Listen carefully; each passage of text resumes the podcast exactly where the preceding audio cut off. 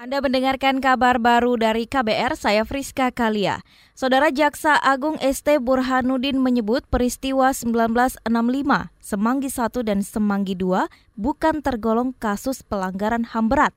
Hal itu dikatakan Burhanuddin saat membacakan paparan di hadapan anggota Komisi Hukum DPR. Namun Burhanuddin enggan menyebutkan secara gamblang alasan mengapa ketiga peristiwa tersebut tak tergolong kasus pelanggaran HAM berat bahwa untuk peristiwa 1965 Semanggi 1, Semanggi 2 telah ada hasil rapat paripurna DPR RI yang menyatakan kedua peristiwa tersebut bukan pelanggaran HAM berat. Saudara Jaksa Agung ST Burhanuddin mengatakan kejaksaan juga tidak bisa melanjutkan perkara kasus Paniai Papua. Burhanuddin beralasan kasus tersebut tidak sesuai dengan ketentuan perundang-undangan.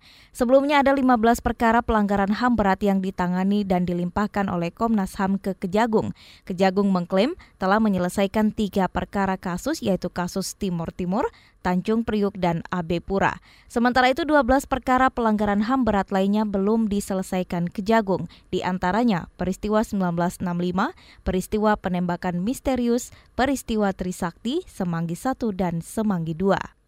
Beralih ke informasi selanjutnya, Kementerian Pertahanan mengharapkan porsi belanja negara di bidang pertahanan ditingkatkan. Direktur Jenderal Potensi Pertahanan Kemenhan Bondan Tiara mengatakan, peningkatan anggaran belanja ini penting agar industri pertahanan bisa berkembang. Saya sangat mendorong supaya mereka itu jadi konsorsium. Jadi supaya jangan jangan sendiri-sendiri gitu. Jadi marilah jadi konsorsium. Contoh kayak kita bikin program roket, kan konsorsium itu pimpinan konsorsiumnya PT Pindad, terus kan anggotanya ada. Nah, jadi mari supaya dengan konsorsium kan terjadi penghimpunan kekuatan itu baik modal baik SDM ini supaya porsi uh, belanja alutsista itu semakin banyak diambil oleh industri pertahanan dalam negeri apakah dia BUMN apakah dia swasta Direktur Jenderal Pothan Bondan Tiara mengakui sulit membangun industri pertahanan karena kurangnya anggaran untuk penelitian dan belanja. Meski begitu, pemerintah akan terus mendorong pertumbuhan industri pertahanan. Beralih informasi berikutnya, Direktorat Jenderal Pemasyarakatan atau Dijenpas menempatkan napi teroris di sel khusus untuk mencegah penyebaran paham radikal di dalam lapas. Dirjen Pemasyarakatan Kementerian Hukum dan HAM Sri Pugu Budi Utami beralasan napi yang dipisah tersebut punya ideologi berbahaya jika ditempatkan dengan napi lain. Mudah-mudahan tidak ada dengan menempatkan mereka yang high risk itu di one man one cell tidak bisa berkomunikasi dengan siapa pun, tidak bisa komunikasi dengan tahanan, tidak berkomunikasi dengan petugas, apalagi dengan masyarakat.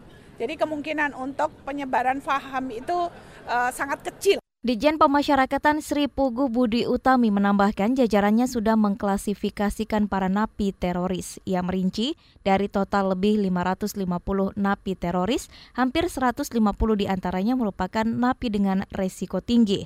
Mereka ditempatkan di lapas dengan pengamanan super maksimal seperti di Karanganyar dan Nusa Kambangan. Beralih ke informasi olahraga, Fajar Alfian Muhammad Rian Ardianto tersingkir dari turnamen badminton Cina terbuka 2019. Keduanya tersingkir setelah kalah dari ganda Malaysia Aaron Chia dan Soh Woyik dengan skor 21-13, 18-21, dan 16-21. Fajar Rian sempat dua kali memberi perlawanan pada Aaron dan Soh, namun akhirnya kalah dengan skor 18-21. Pada pertandingan sebelumnya, Praven Jordan Melati Deva berhasil menginjakkan kaki ke babak perempat final. Praven dan Melati meraih tiket ke babak delapan besar setelah melewati adangan Chris Edcock dan Gabriel.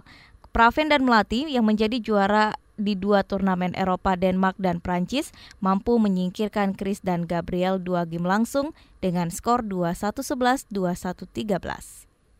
Demikian kabar baru dari KBR, saya Friska Kalia.